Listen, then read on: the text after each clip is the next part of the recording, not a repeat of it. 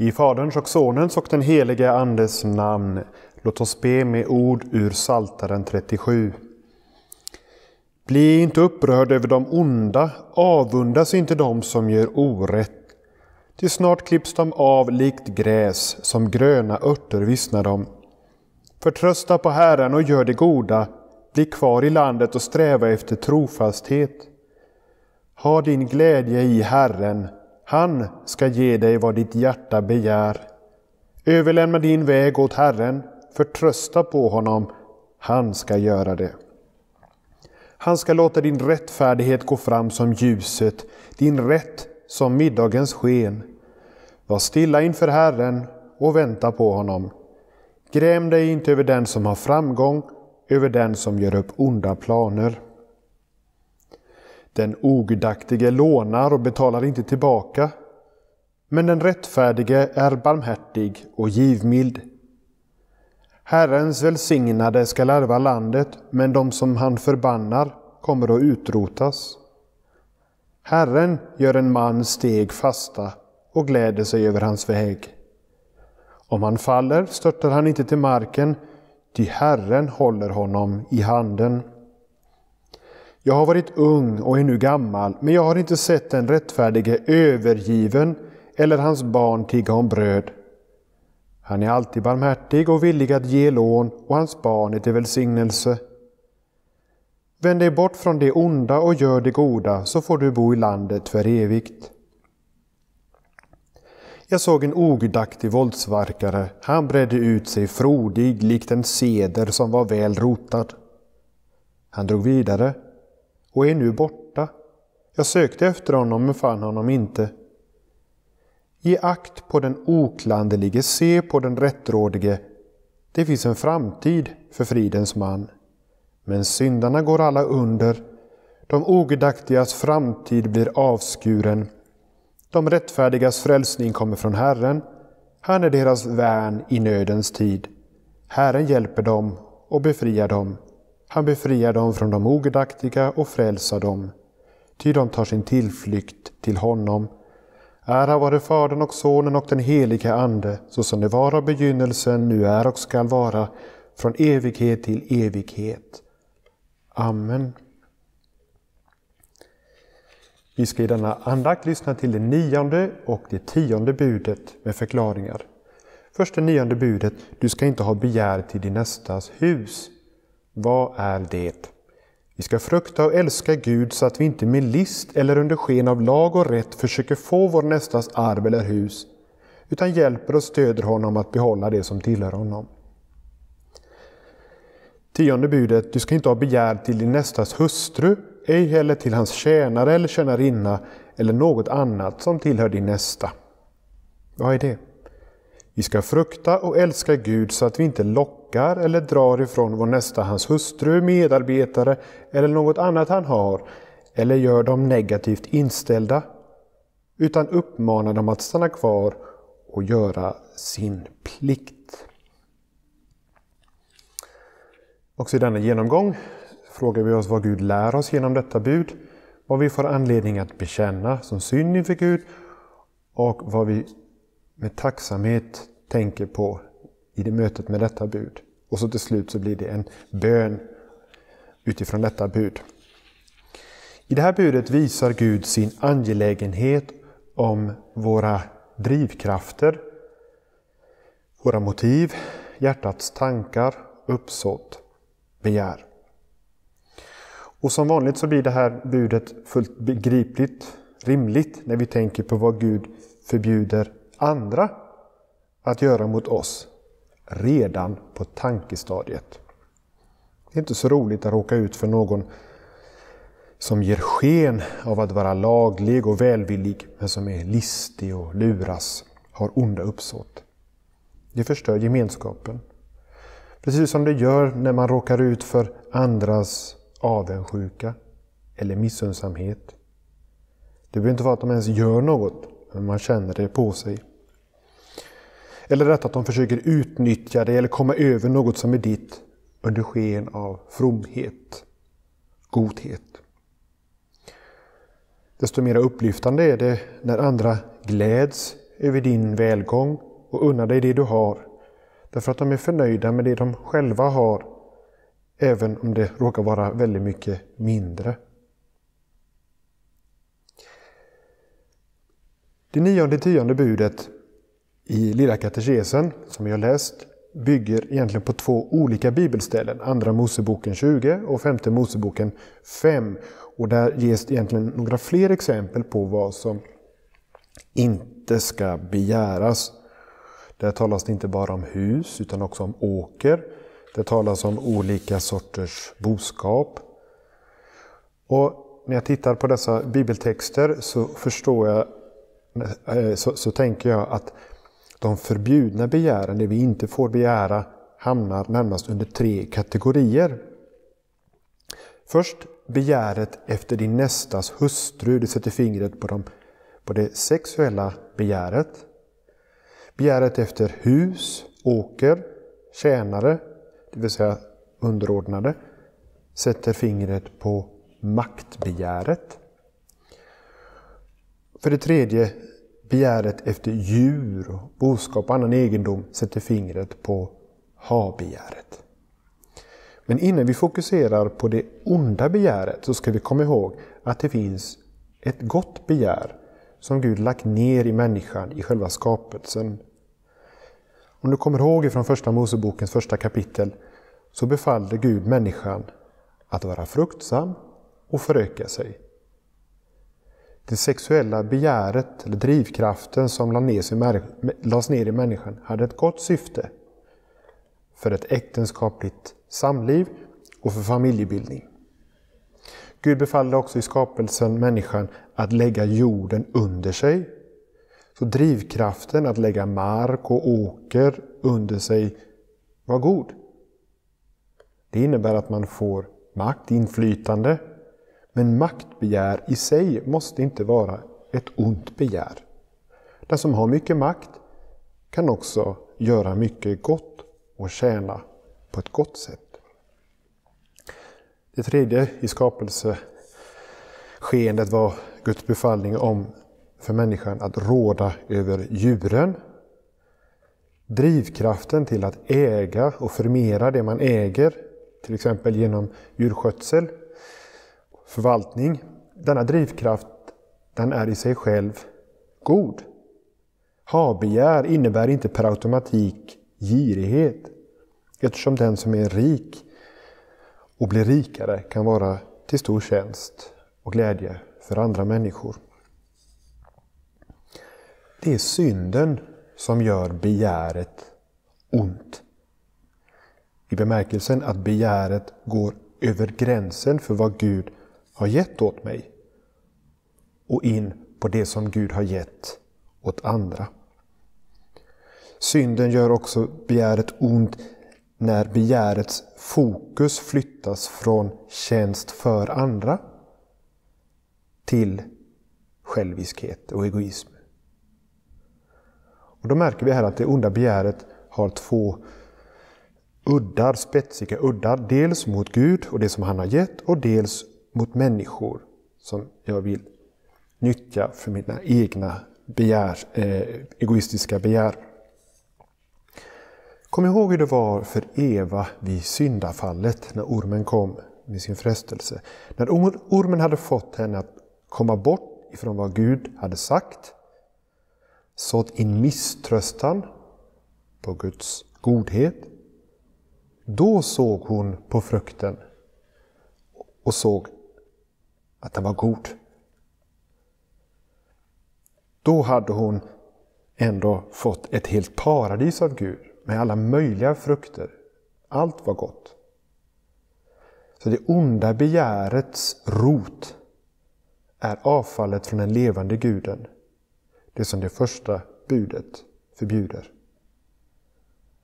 Det finns en korrelation mellan det första budet och det sista. När jag inte är nöjd med vad Gud har gett mig, inte väntar allt gott ifrån honom, inte hoppas på hans hjälp, då riktar jag mig mot annat, mot annat håll. Det som får vara substitut för Gud. Det som jag istället för honom hoppas ska ge mig det goda livet, det trygga livet.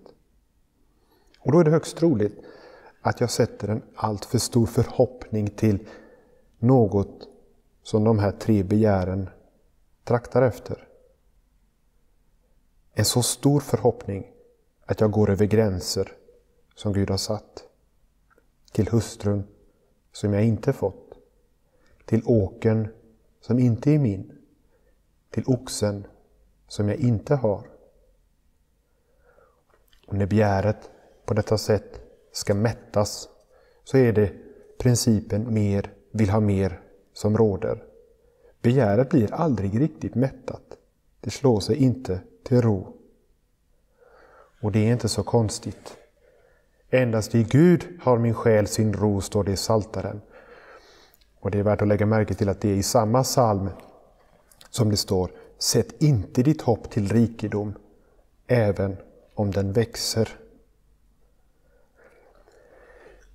I liknelsen om kungasonens bröllop som Jesus berättar i Lukas, Lukas evangeliet kapitel 14 så är det intressant att notera vilka ursäkter som gavs för att inte komma på bröllopet. Jag har gått och gift mig. Jag har köpt åker. Jag har skaffat oxar.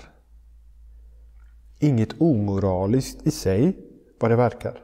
Tvärtom, det var väl ungefär vad Gud hade befallt i skapelsen. Men gåvorna hade blivit viktigare än givaren. Så begäret efter detta goda på jorden hade blivit starkare än detta att vara hos Herren vid hans måltid till slut. Så det sista budet, du ska inte ha begär, är Guds sätt att sätta ljuset på det som i praktiken kan ha blivit vår avgud. Hur mycket, hur mycket måste vi inte här bekänna? Om Gud frågar också efter hjärtats tankar och begär. Det är den andra punkten. Bikten och bekännelsen. I själva verket avslöjar detta budet syndafördärvets bottenlösa djup. Som vi alla måste ta i beaktande eftersom Gud ser till hjärtat. I Stora katekesen säger Martin Luther att detta bud riktar sig till de allra frommaste. De som vill bli kallade hederliga och pålitliga eftersom de inte brutit mot de övriga buden. Men inför detta bud, skriver Luther, framstår vi som ständigt skyldiga och förstår hur mycket vår fromhet är värd inför Gud.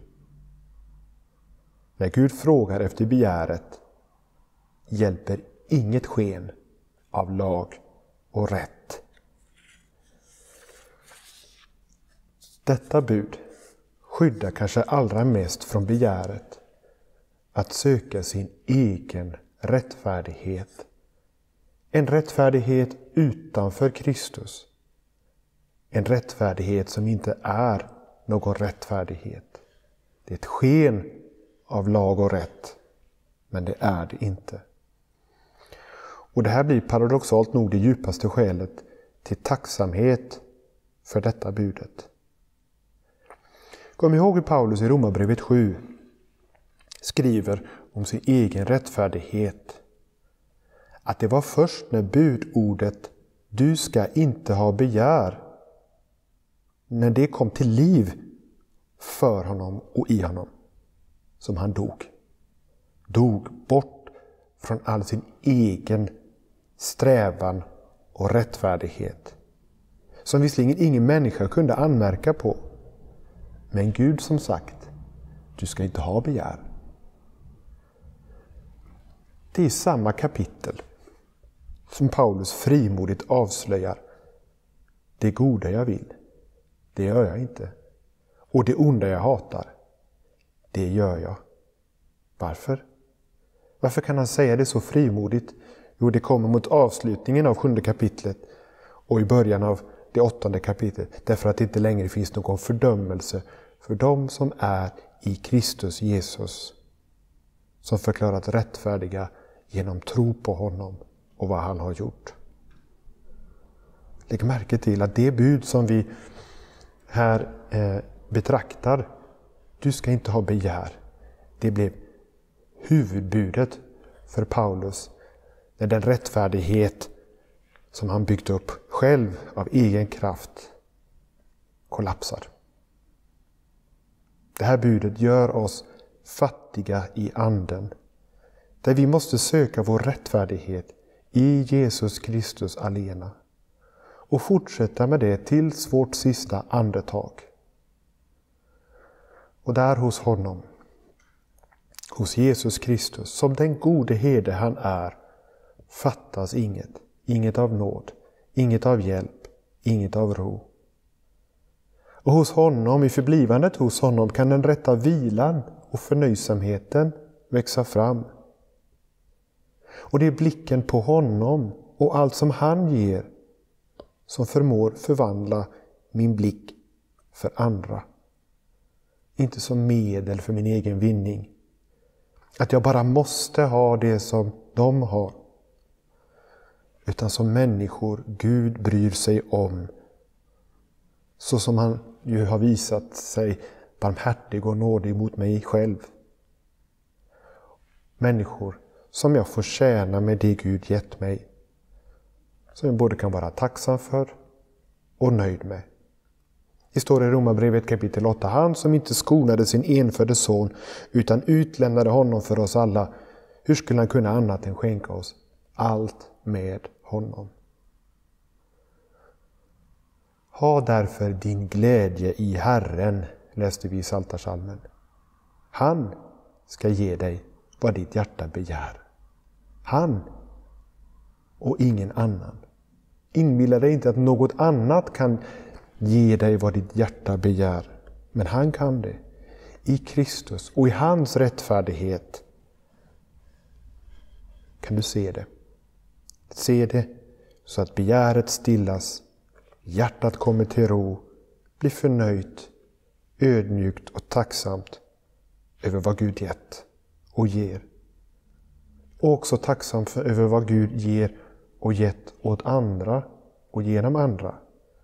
Befriad ifrån avundets och missundsamhetens förbannelse.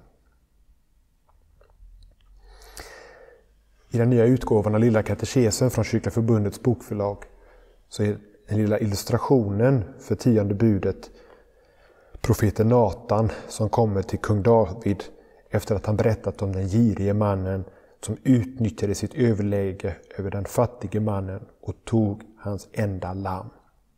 Detta efter att David haft begärelse till sin nästas hustru och också ordnat med hjälp av sin makt så att hon blev hans. Så sa Natan, du är den mannen. Det är David. Mannen som kallades en man efter Guds hjärta. Herdepojke som skrivit några av de vackraste psalmerna om ödmjukhet, tacksamhet, förnöjsamhet och glädje i Herren, den gode herden. David, som samtidigt får visa oss vad det onda begäret gör med oss och förmår att göra med oss. Och att se David i sitt eget hjärta, det är förstås en källa till ödmjukhet, till bekännelse, samtidigt som ni kan få driva till Davids frälsare, till Davids syndabekännelse och till Davids son Jesus Kristus med bön om förbarmande. Vi ber. O Gud, alla goda och fullkomliga gåvors givare. Regera över våra hjärtan som så lätt får begär till det som du inte gett oss, utan till vår nästa. Bryt ner all lust att handla under sken av lag och rätt, men som inte är det i dina ögon. Och ge istället glädje och förnöjsamhet över det du gett och angelägenhet om att vår nästa får behålla det du gett henne, du som ger oss var och en vårt dagliga bröd, utan all vår egen förtjänst eller värdighet, utan av nåd, genom Jesus Kristus vår Herre. Allsmäktige Gud, Herre över allt som är gott och rent, Håll våra hjärtan hos dig alena, så att vi inte lockar till oss hustru, medarbetare eller något annat som tillhör vår nästa, utan snarare verkar för att de är kvar där du satt dem. Genom Jesus Kristus, vår Herre. Amen. Fader vår som är i himlen. Helgat varde ditt namn. Tillkommer ditt rike. Ske din vilja så som i himlen så på jorden. Vårt dagliga bröd giv oss idag och förlåt oss våra skulder, så som och vi förlåta dem oss skyldiga äro. Och inled oss inte i frestelse, utan fräls oss ifrån ondo. Ty riket är ditt och makten och härligheten i evighet. Amen. Herre välsigna oss och bevara oss för allt ont och föra oss till det eviga livet. Amen. Så avslutas denna andakt med en sång ur psalmer 1991, nummer 871, verserna 10 och 11.